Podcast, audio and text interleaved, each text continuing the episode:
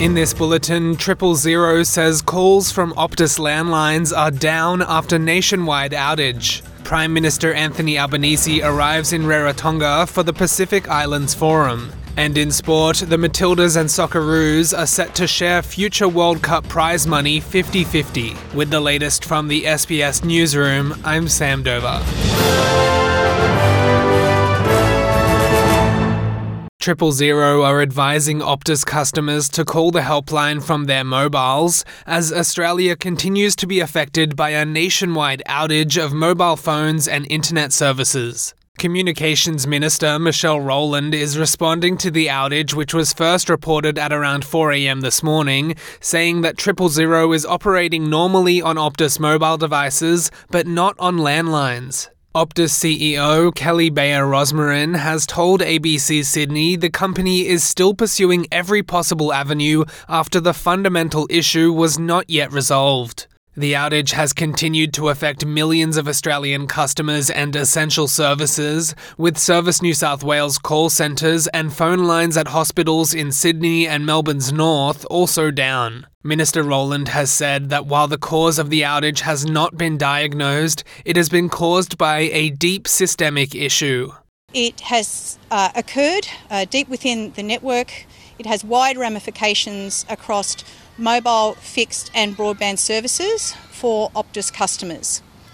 Secondly, we now understand, and this has been confirmed, that calls to triple zero, the emergency service, cannot be made from Optus landline services.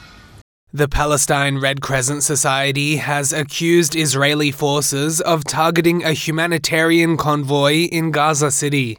The humanitarian organization says the convoy of five trucks was carrying life saving medical supplies to health facilities such as Al Quds Hospital when it came under fire, damaging two trucks and wounding a driver.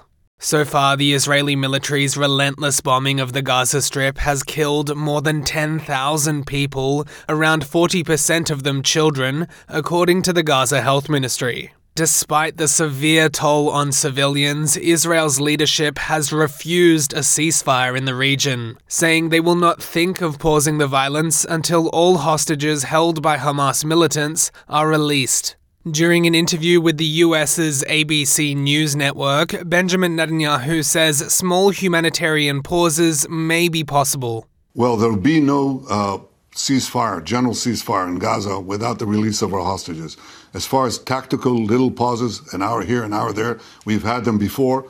I suppose uh, we'll check the circumstances in order to enable uh, goods, humanitarian goods to come in, or our hostages, uh, individual hostages to leave. But I don't think there's going to be a general ceasefire.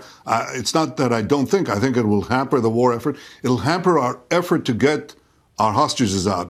Prime Minister Anthony Albanese has arrived in Rarotonga for the Pacific Islands Forum Leaders Meeting this week.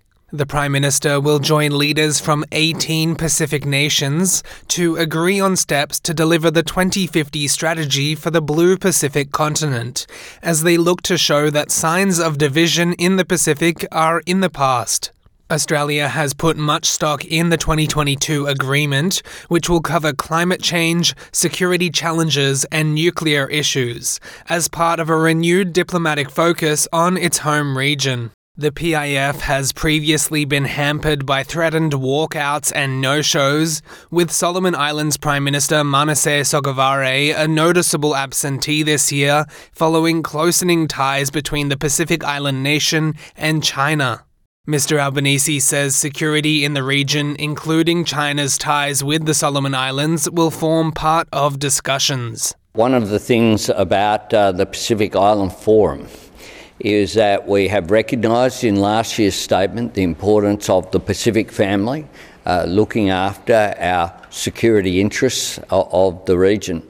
But the Pacific family and is also made up of sovereign states, so we respect uh, the fact that sovereign states have a right to make uh, their decisions.